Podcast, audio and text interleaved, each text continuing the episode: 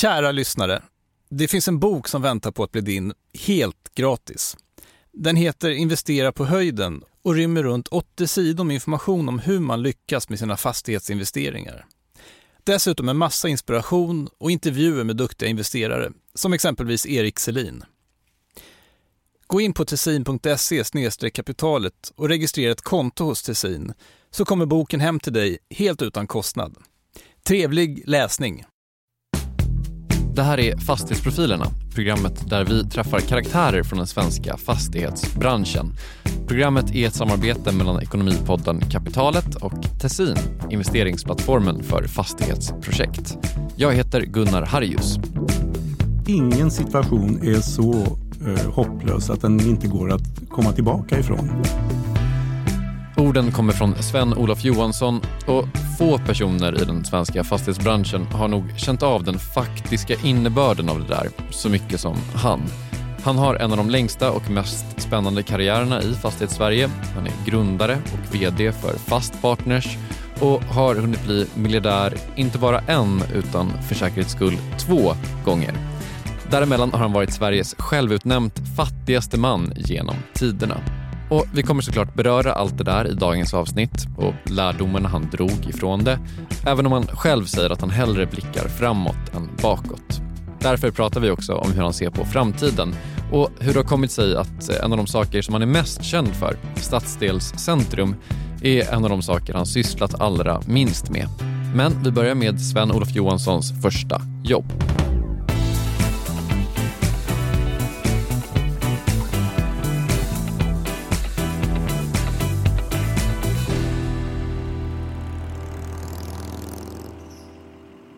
Började med att du jobbade tillsammans med din pappa i en mm. eh, sport och tv-butik, vad jag förstår. Just det, exakt. Eh, vad lärde du liksom av, av den liksom första, första liksom bekantskapen med affärsskap?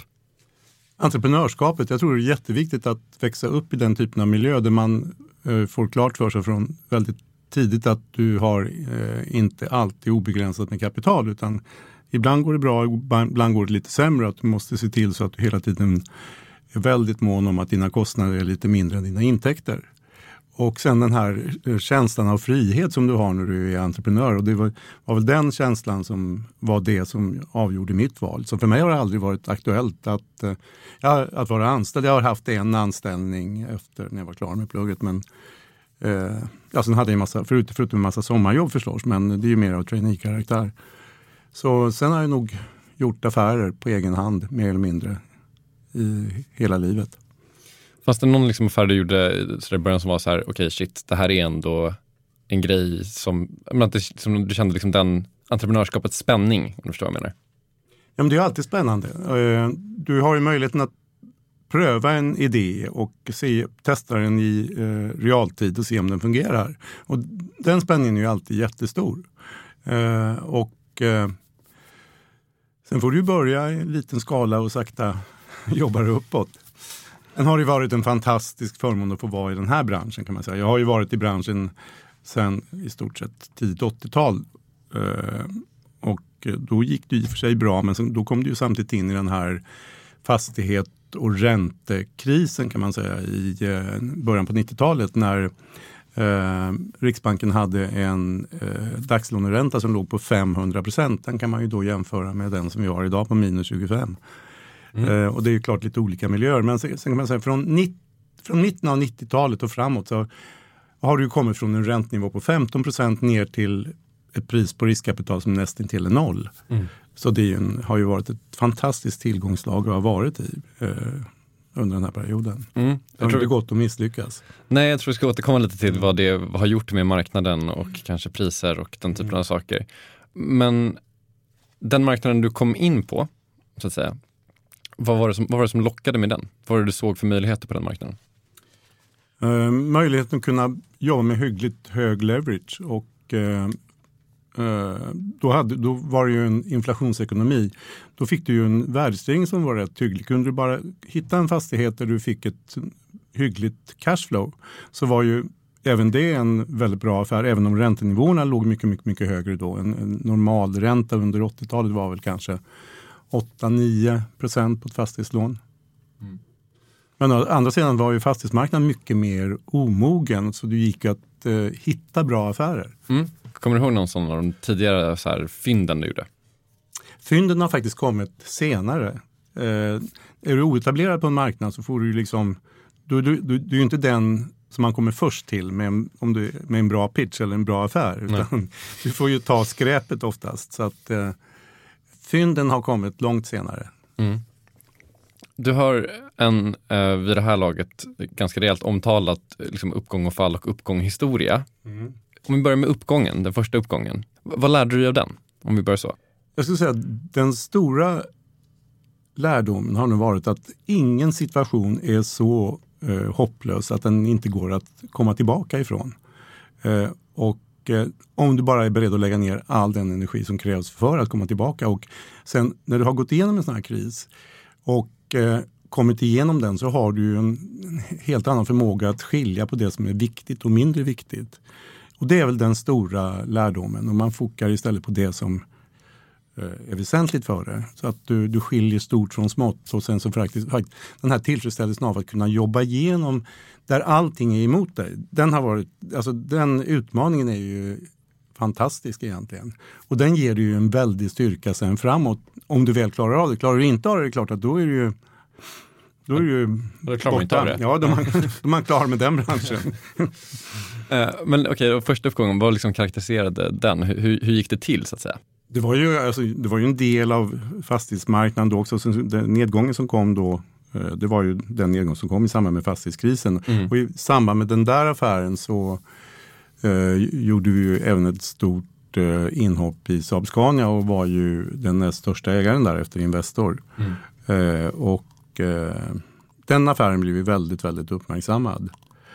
Eh, och den affären var ju sen en, kan man säga, en förutsättning för att när den här djupa fastighetskrisen och räntekrisen då kom 91-92 att vi hade realiserat den där affären och hade då vinsten på den som var en dryg miljard att stoppa in och komma, kunna komma igen och rekonstruera bolaget med det kapitalet. Så den har ju varit väldigt, väldigt eh, väsentlig. Och den affären blev ju, det var ju första gången som någon egentligen utmanade familjen Wallenbergs ägande i ett stort eh, svenskt börsnoterat bolag. Så därför så fick den ju väldigt mycket uppmärksamhet. Mm. Om inte räntekrisen hade kommit då, hade ni tagit över Scania? Nej, det hade vi nog inte finansiella resurser till. Det var ju väldigt många andra som däremot var intresserade av att köpa den här positionen. För Scania är ju ett fantastiskt bolag som väl framförallt många av konkurrenterna har försökt att lära sig hur de arbetar och gärna ville köpa den här posten. Daimler-Benz var, ju var ju jätteintresserade av att köpa eh, posten. Men okej, okay, och så, så kommer räntekrisen, Bengt Dennis, 500 procent, hela den grejen. Jag tror att alla vet ungefär vad som hände. Men vad, vad, hände, vad hände dig specifikt? Eh, jag kom ju ur den, eh, på den tiden så när du hade, eh, vi hade väl fastbestånd kanske på 10-12 miljarder då in i den krisen. Och med en belåning kanske på 8 miljarder eller något den stilen. Eh, för det gick ju att fullfinansiera egentligen fastigheter eftersom du hade den här värdestegringen då via inflationsekonomin som man levde i då. Lite annorlunda än vad det är idag men idag ökar ju värdet på fastigheter genom att avkastningskraven går ner. men på den tiden hade du också på den finansiering du hade så hade du ju alltid eh, personlig borgen på lånen. Även om det var bolaget som lånade så hade du ju personlig borgen. Och efter den här krisen med allt det som hände och den värdenedgång som var på fastigheter så var mitt utgångsläge sen när vi skulle rekonstruera bolaget och komma tillbaka igen så var det en, eh, ett, eh, en situation där jag hade ett eh, minuskapital på 2 miljarder personligen. Och det var alltså då insatskapitalet för att sen komma tillbaka till det som är situationen idag. Mm.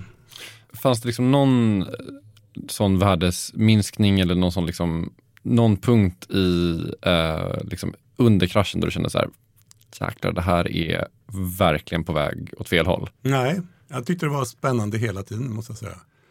Det är väl orimligt? Nej, faktiskt inte. Jag tyckte det var så spännande. Allting, alltså, vad, allting du gjorde då var tvungen att gå rätt. Det var en jätteutmaning och jag, jag har nog aldrig haft en så spännande period i hela min övriga karriär som då. Nej att ha så stora svängningar i, liksom, du har själv beskrivit som att ingen människa i Sverige har varit fattigare än du varit. Nej. Att ha den typen av pendlingar ekonomiskt, vad gör det med en människa? Ja, det skapar ju en viss form av Alltså, när du klarar det så skapar det en viss trygghet som jag sa i, i dig själv då. Och eh, det tror jag har jättemycket att göra också med hur du växer upp. Om du har ett stort förtroende från dina föräldrar att, du, Eh, att de har, tror att eh, du kan nog på egen hand klara det ganska bra och alltså, stora frihetsgrader. Det tror jag är jätteviktigt och det här entreprenörsomgivningen eh, som gör som sagt att du inte pengar i sig får ju aldrig vara väsentligt eller det, det, stora målet för då blir du ju så oerhört deprimerad om du tappar de här pengarna. Då. Det, så pengar får man inte bry sig om överhuvudtaget. Jag gör det faktiskt inte i någon större omfattning nu heller. Utan eh, det är därför man tycker att den här perioden då när det gäller att ta sig tillbaka ifrån en helt eh, hopplös situation. Eh, det är därför den är så spännande och sen man kan ju säga att under hela den här perioden så hade jag faktiskt, vi hade ju egentligen lån hos alla eh, större svenska banker och även ett par utländska. Eh, så hade jag faktiskt fullt förtroende att klara ut den där krisen under hela den här perioden. Vilket i sig var rätt så stimulerande. Jag vet att det är svårt att bedöma sin egna liksom, personlighet, liksom, sina egna egenskaper och så vidare. Men vad, vad, tror du att det fanns och finns i dig som gjorde att du fick ha fortsatt förtroende under den här tiden? Uh, jag prioriterade hela tiden amorteringar och räntebetalningar till, till banksystemet och till omgivningen. Jag har aldrig tagit ut någonting själv förrän liksom, ja, när bolagen går bra och jag kan ta en utdelning. Så att jag aldrig försökte liksom spela mig själv in i en bättre situation än de som jag skulle uh, tjäna tillbaka kapitalet åt. Mm. Är det liksom en... Jag tror det är helt väsentligt. Är det en lärdom som kommer redan från, eh, ja, det är väl någon form av moral, ja. Mm. Förutom Sven-Olof Johanssons minst sagt svängiga 90-tal så är det som han och Fastpartners blivit mest kända för kanske de stadsdelscentrum som de förvärvat och rustat upp. Tensta, Rinkeby, Älvsjö, Bredäng och Hässelby centrum som varit misskötta i många år och hade dåligt rykte när de köptes. Men just därför så såg Sven-Olof Johansson en möjlighet affären i sig är inte särskilt stor. Jag tror vi betalade någonstans runt 450 miljoner för alla de här fem centrumen. Och sen har vi investerat en hel del pengar på, i de här centrumen och, och fått ordning på det för det var ett fullständigt mischmasch. Det var två bröder eh, Boltby från London som hade ägt det här och sen hade Royal Bank of Scotland realiserat sina panter och blivit ägare till det här. Och ingen hade ju skött de här centrumen på flera år så det var ett jättearbete att få ordning på det. Idag fungerar det ju fantastiskt bra. Vad var det för möjligheter ni såg när ni, när ni valde att gå in? Alltså att vi, jag tyckte att det var utmaningen i sig, för affären i sig är ju inte särskilt stor. Eh, om du tittar på det vi egentligen äger i stor omfattning, det är ju väldigt mycket fastigheter ute i Frösunda väldigt mycket fastigheter i centrala Stockholm. Om du tittar på värdet av fastigheterna. och det är oändligt mycket mer det är viktigare för oss, de fastigheterna självklart, än de här. Men det här var ju en blandning av lite grann social insats och sätt att visa att det går att få ordning på de här, eh, ett sånt här område. Mm. Och eh, i början så var jag där ute en hel del. Nu fungerar det så bra så nu behöver man ju inte jobba med det längre utan i stort sett fullt uthyrt. Mm. En väldig entreprenöranda som finns där ute. Vi eh, jobbar lite grann på den sociala sidan också. Vi anställer ungdomar varje eh, sommar som jobbar med eh, trädgårdsarbeten och underhållsarbeten. Och tjänar bra på det, tjänar 800 kronor om dagen, vilket är ett alternativ till ett bra alternativ till väldigt mycket annan verksamhet av annan karaktär som kanske inte är lika bra för samhället. Så hela den där sociala biten och du vet, sen så entreprenörskapet där, det är lite grann som om jag går tillbaks till när jag jobbade med min pappa då, du vet i 50-60-tal. Mm. Alltså det är så, det är entreprenörskap på den här, den här verkliga, verkliga basala karaktären. Så det var ju kul också där ute. Tror du att det är liksom viktigt för ett företag att ha eh, projekt som känns är utmaningen det primära eller är det ändå affärsmöjligheten som är det primära med de här, med de här ehm, eh, stadscentrumen? I just i det fallet, alltså normalt sett så är det ju affären och eh, mm. att utveckla bolaget så bra som möjligt så att eh, alla aktieägare är väldigt nöjda med det och tycker att det är skojigt att fortsätta vara aktieägare. Men det där hade en annan karaktär, det måste jag säga. Det var, jag skulle säga att få ordning på det där, den sociala delen var rätt viktig. Utmaningen i sig var viktig, mycket mer än pengarna eller resultatet av det. Sen har det blivit ett bra resultat, men det var, ja, där kunde man väga in en annan aspekt än den vanliga när du gör den typen av affärer som vi gör hela tiden. Tror du det är viktigt för ett företag att ha projekt som skaffar sig utmaningar av den typen? Ja, eller projekt av lite social karaktär. Det tror jag är jätteviktigt. Och nu vidgar man ju ett företags uppgift egentligen till att uh, vara mycket mer samhällsdeltagande än det har varit än bara det här att höja vinsten och öka utdelningen till aktieägarna. Mm. Kommer du, du kommer ut till, eh, till Rinkeby centrum, mm. ser att det här funkar kanske inte så mycket som man skulle vilja att det funkar. Mm. vad, vad gör man rent, rent praktiskt? Eh, att du skapar förtroende för dig själv. När du har råkat ut för fastighetsägare som eh, egentligen bara har dragit ut ur kapital ur eh, verksamheten så måste du visa att du tror på det, att du kommer att vara långsiktig ägare. Alltså träffa alla kunderna eh, där ute, alla hyresgäster och skapa ett förtroende för en långsiktig förvaltning. Och, och så att de inte tror att du där fixar till det och sen så säljer du det vidare. Och eh, det där var ett tufft jobb. Det tog ett par år skulle jag säga innan vi hade kommit så långt så att vi alla började förstå att vi är, här för, vi är där för att stanna. Vi gjorde många investeringar, även nyinvesteringar där ute, alltså byggde, nya, ny, byggde till centrumen och eh, tog åtgärder problem efter problem med den fantastiska förvaltningen vi har haft där ute faktiskt. Mm. Som i sig har ett stort eh, engagemang. När man kollar på ert bestånd idag mm. Så kan man eh, som yttre be, liksom betraktare, som, som jag är då, eh, tänka att det finns en nästan motpol till det eh, som du pratar om nu med liksom Rinkeby centrum, centrum. Mm. Eh, och att eh, det är det ni köpte av Oscar Properties nu, alltså, nu ska jag säga rätt, heter det Helix kanske? Ett av några ja, tornen? vi köpte just det, halva, halva, halva tornet, det, mm. det som är under produktion nu. Mm. Vad är det ni ser i, i det projektet? Det är ändå liksom något av ett, vad ska man säga, eh, vi ser att det finns ett eh, väldigt bra värde i det för vår del. Och det där, vi är ju inte specialister på bostäder, vi är ju mer specialiserade mot kommersiella ytor. Så därför så när, när det är bostadsutveckling inblandad, eh, inblandad så gör vi oftast det med en partner och sen så har vi en partner som vi har jobbat med tidigare, precis genomförde ett projekt med som heter Slätte som förvaltar fonder och med fokus på bostadsproduktion. Så de är med där. Men det är ingen stor affär det heller. Men det är en väldigt bra avkastning på e-kapital tror vi. Mm. Finns det någon liksom lik, det, det, finns ingen likhet väl mellan en affär av den typen och en affär av eh, Stadscentrum-typen? Nej, det finns, det finns absolut ingen, ingen likhet. Det gör det inte. Vi har ju, i huvudsak så ligger ju 90 procent av våra tillgångar i Stockholm. Sen har vi lite grann i eller vi har lite grann i Malmö, lite grann i Göteborg, vi har i Norrköping och vi har i Gävle. Men 90 procent ligger i Stockholm, eller Storstockholmsområdet. Om vi då tittar på, jämför och delar upp de här tillgångarna som jag har och tittar på vad mot, om vi hittar ett motsvarande annat börsnoterat bolag som har samma typ av tillgångar. Då kan man säga så här att eh, det som vi har i Frösunda och det som vi har inne i Stockholm city, det är exakt den typen av tillgångar som Fabege äger. Och då består vårt bolag till 42 procent av Fabege-tillgångar eller precis samma typ av fastigheter som Fabege har.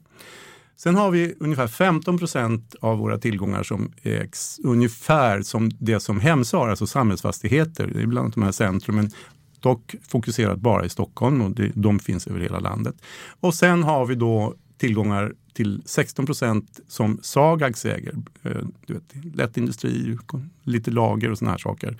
Men också i Stockholmsområdet och han finns över hela eh, norra Finland, han finns i hela eh, Tyskland, han finns i, periferik, tredje, i periferiken runt Paris och han börjar finnas i Barcelona. Och sen har vi ungefär 27 procent av tillgångarna som ungefär motsvarar det som Klövern har. Eh, och då kan du alltså köpa en portfölj av fastigheter som består av 42 procent Fabege, 15 procent Hemfosa, 16 procent Sagax och 27 procent Klövern.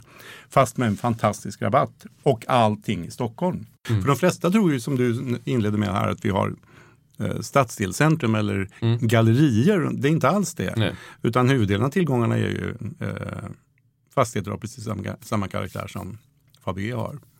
Okej, okay, och vilket av de här bolagen då, om, man, om vi ska kalla era olika delar av, eh, av ett bestånd för, för, ett, för bolag då, är det som eh, är... Som vi prioriterar nu? Ja. ja det är nog mer tillgångar av det som eh, Fabege och mm. vi har. Alltså Frösunda, Stockholm city. Mm. Eh, Du har varit med på marknaden ganska länge, Mm. sett mycket. Vart skulle du säga att vi befinner oss idag om du skulle liksom försöka karaktärisera eh, fastighetsmarknaden just nu? Eh, vi har ju två faktorer som är viktiga.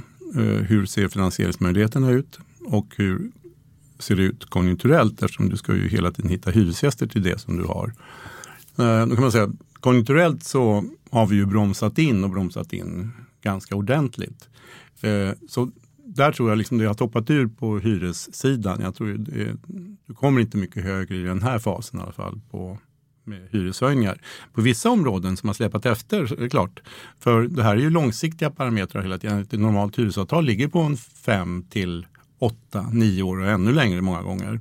Så att eh, konjunkturella svängningar påverkar ju inte så fantastiskt eh, eh, mycket direkt utan det tar ju en period. Ofta så hinner du komma ur en konjunktursvacka innan avtalet går om så ska du omförhandla. Men nu situationen ganska nära ett toppläge och till och med passerat det tror jag.